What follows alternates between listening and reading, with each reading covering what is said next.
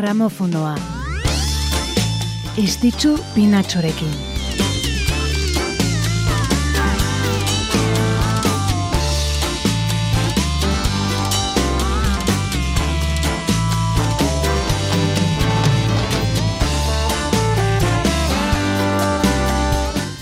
Arratxaldeon, arratxaldeon eta ongi etorri gramofonora. Hasituko ikasturtea guk ere, eta haze sinfoniakin aurten, eh? Ba bai, hasituko ikasturtea, akaso azkenak izan gara denboraldi berriari hasiera ematen, bino indar berrituta, heldu gara, ilusioz. Aurten ere musikarekin gozatzeko gogoz. Eta hainbat nobedaderekin gainera. Uartuko zineten bezala, asteazkenetik larun batera pasagara. Zergatik, ba, aurten gramofonoaren formatua pixko bat aldatuko dugulako. Eguneko efemeriden inguruan eritu beharrean, aste osoan zehar gertatutakoak errepasatuko ditugulako. Eta horretarako ba, asteburua agitzeza proposagoa zen. Beraz, aurten larun batetan elkartuko gara, arratsaldeko irutan, larun batetan. Ba, erran beharrekoak erranta berrirore ongi etorri gramofonoaren denboraldi berrira, Denboran zehar bidaiatzea gustoko dugun eh, irrati saiora, musikaren historiako une garrantzitsuak errepasatzeko aitzakiarekin. Efemeridez, efemeride, musikaren historian arrasto utzi duten artista, ospetsu eta iraultzaileen ibilbidean murgilduko gara.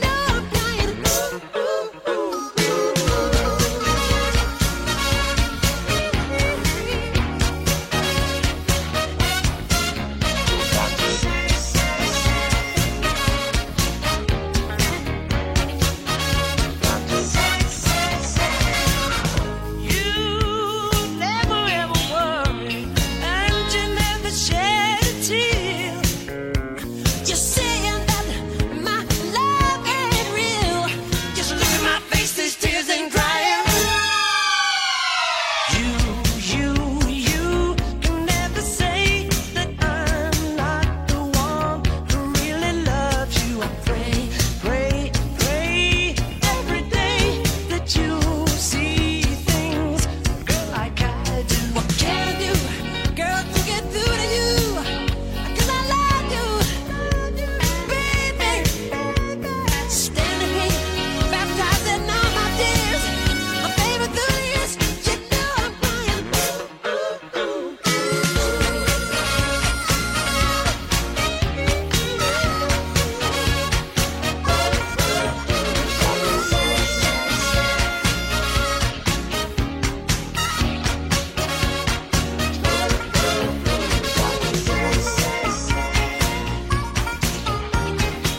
Larogeiko hamarkadan musikaren bi izen handik indarrak batu zituzten gisa honetako arrakasta ahaztezinak sortzeko. Paul McCartney, The Beatles talde ikonikoko kide hoiak eta Michael Jacksonek, poparen errege ez izenarekin ezagun egintzenak, biak ziren garai hartan musikaren industrian izen handiko artistak. Ba, McCartney eta eh, Jacksonek, eh, mila bederatzeren da larogeita biko urriaren bian kaleratutako 666 abesti arrakastatxuan parte hartu zuten. Kantu honek mundu mailako arrakasta lortu zuen zerrendetako lehen postuetan kokatuz eta bideoklipak eh, estilo komiko eta koreografia erakargarriekin abestiaren ospea areagotu baino etzun egin.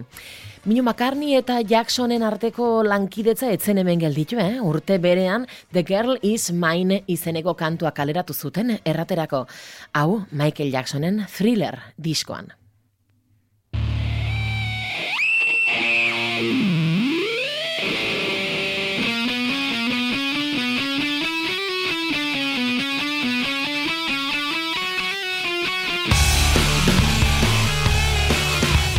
Eta egun bereko efemeride batekin jarraituko dugu, baino milurtekoaren hasierara saltu eginez, 2000 bat garren urtera hain zuzen ere. Muse talde Britainiarrak Origin of Symmetry albuma kaleratu zuelako 2000 bateko urriaren bian. I've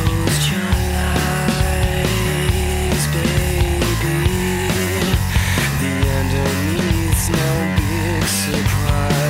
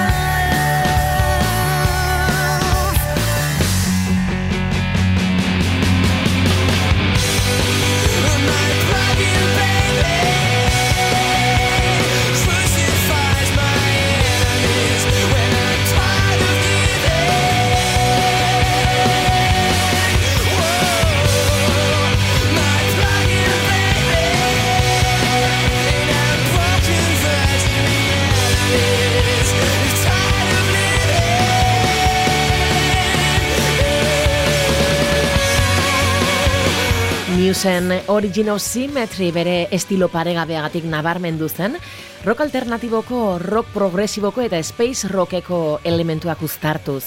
Komposizio konplexuak eta letra poetikoak zitun, kritikariek goraipatuak eta zaleek maitatu zituztenak. Disko hau inflexio puntu bat izan zen Musen karreran, musika estenako talde garrantzitsuenetako bat bezala sendotuz. Eta 2000 batean estatu batuetan merkaturatu izanak ba, bere biziko garrantzia izan zuen nazioartean e, ospea zabaltzeko eta rock alternatibo eta progresiboan e, eragina izateko. Hauxe izan da Plug In Baby, Origin of Symmetry diskotik Muse.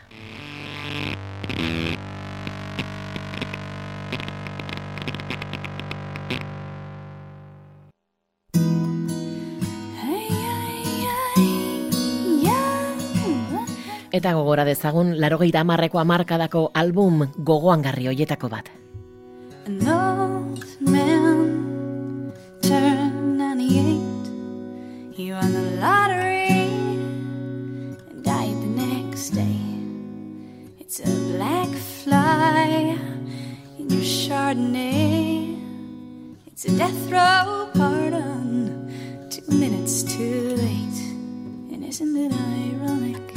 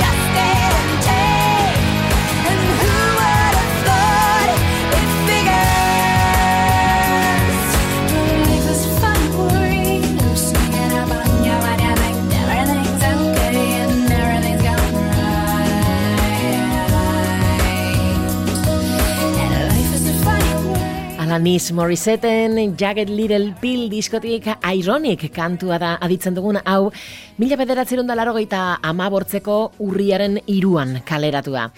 Disko honek aldaketa nabarmena ekarri zuen bere musika estiloan eh, popetik aldenduz eta ikuspegi ba, alternatibo eta konfesionalagoa hartuz. Jagged Little Pill diskoak eh, arrakasta handia izan zuen, garaiko ereserki bihurtu ziren abesti ikonikoekin. Gainera, Grammy sarietarako bederatzi izendapen jaso zitun eta hainbat sari garrantzitsu eskuratu. Album honek eh, nazioarteko ospea lortu zuen eta generoaren eh, klasiko bihurtu zen. Alanis Morissette.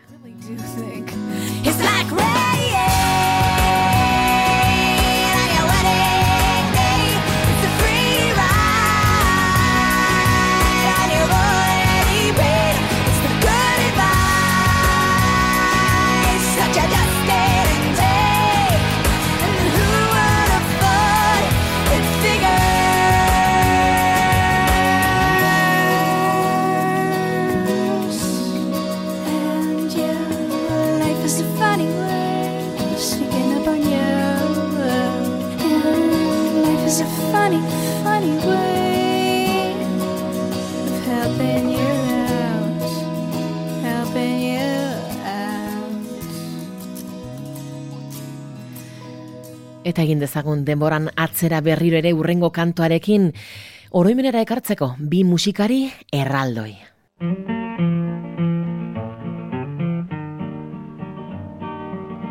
This land is your land, and this land is my land. From the California to the New York Island, from the Redwood Forest to the Gulf Stream waters. This land was made for you and me. As I went a walking that ribbon of highway, I saw above me that endless skyway, saw below me that golden valley. This land was made for you and me.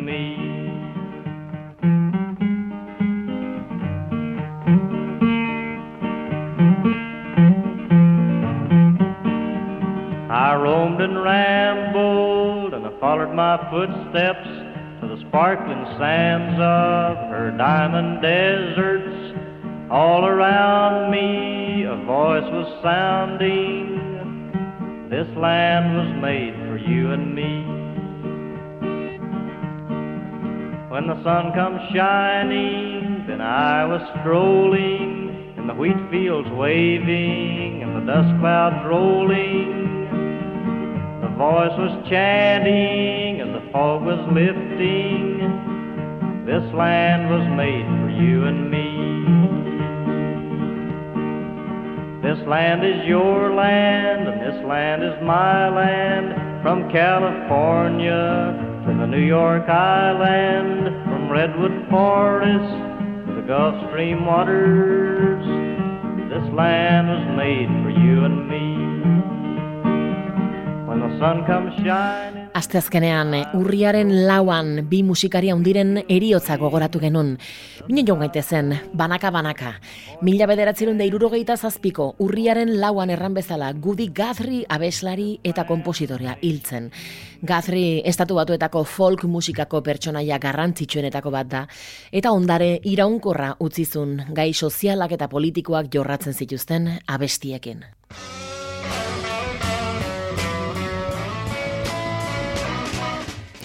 Eta data horretan bertan, bino hiru urte beranduago mila bederatzireun de irurogeita marrean alegia, ahots urratu bezain ederrau betirako isildu zen.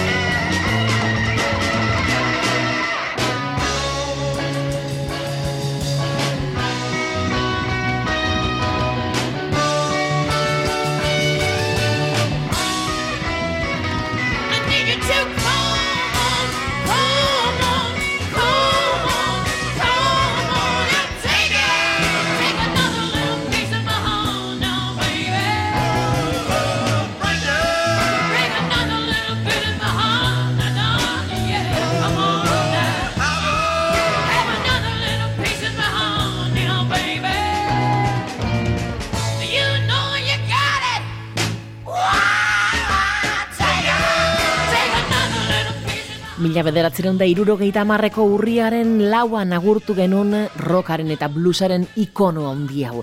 Hogeita zazpi urte bertzerik ez zitunean. Horrela, hogeita zazpi urtekin hildako musikarien zerrenda beltzean sartu zen Janis Joplin. Bino aztarna ezaba ezina utzizun, iraultzailea, apurtzailea, ausarta, eta lotxagabea ere izan zen Joplin. Eta ondotik etorriko ziren haunitzentzako inolako zalantzarik gabe, erreferente erraldoi hoietako bat izan zen. Irurogeiko amarkadako kontrakulturaren ikono, Janis Joplin.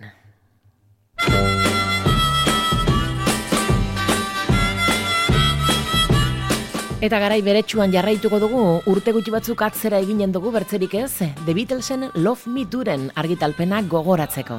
love me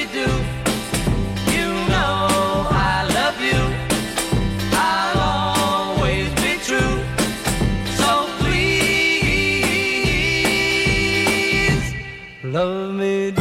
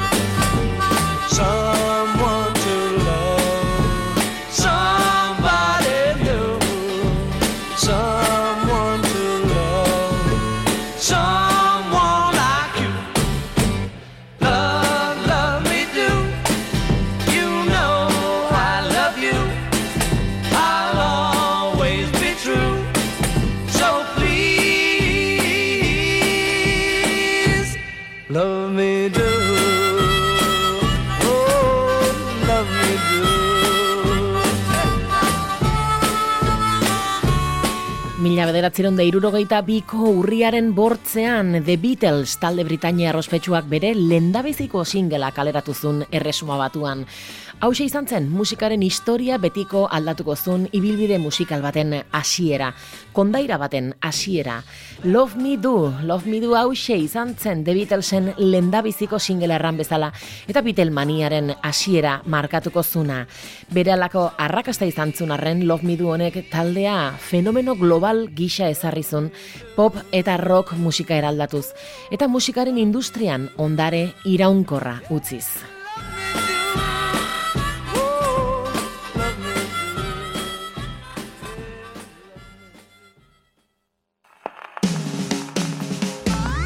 Gramofonoa. Estitzu pinatxorekin. Gramofonoan gaude bai, eta saioaren hasieran erran bezala aurten asteko efemeridiak errepasatuko ditugu, eta zehazki, hortzegun honetan ba, Beatles taldearen lendabiziko kantua izan zen, Love Me Do, orain ditu dugun Love Me Duren urte urrena gogoratu bagenun, hortziradean ere, Beatlemaniaren sugarra izan genuen presente.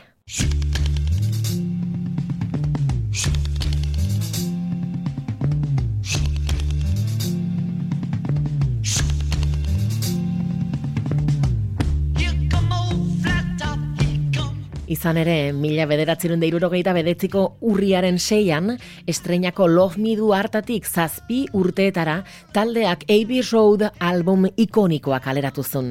Taldearen amekagarrena izan zen, eta beraz, horrek nahi du, zortzi urtetan ameka disko argitaratu zitula talde ingelesak. Ez da marka txarra gero, eh? Eta azen olako diskoak gainera. Gaurko honetan Abbey Road gogoratuko dugu, grabaketa estudio mitikoaren izena eramantzuna. Biteldarrek zebrabidea gurutzatzen erakusten zigun karatula mitiko arekin. Musikaren historiako portada ospetsuenetako eta ezagunenetako bat zalantzarik gabe. Eta bertan, gerora taldearen abesti ospetsuenetako batzuk izanen zirenak ezagutu genitun. Ala nola, something edota Come Together au Cher.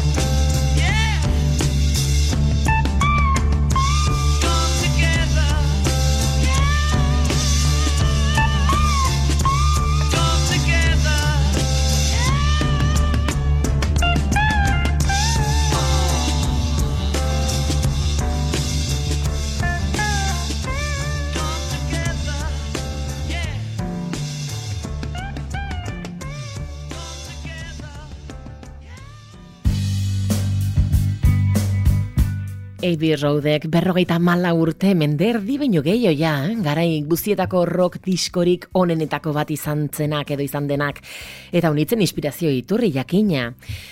Buka dezagun gure gaurko bidaia, musikari garrantzitsu bat, before. Couldn't look you in the eye. You're just like an angel.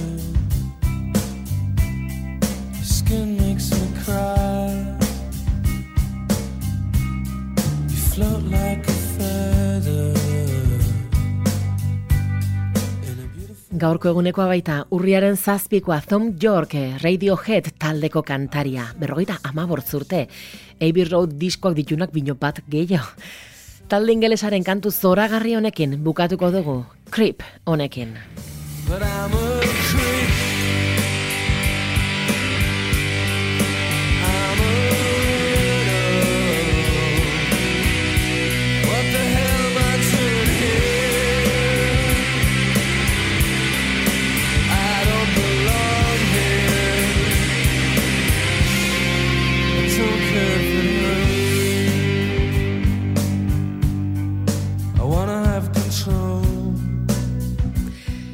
Aldetik bertzerik ez, oroitu aurten gramofonoa larun batetan izanen dela.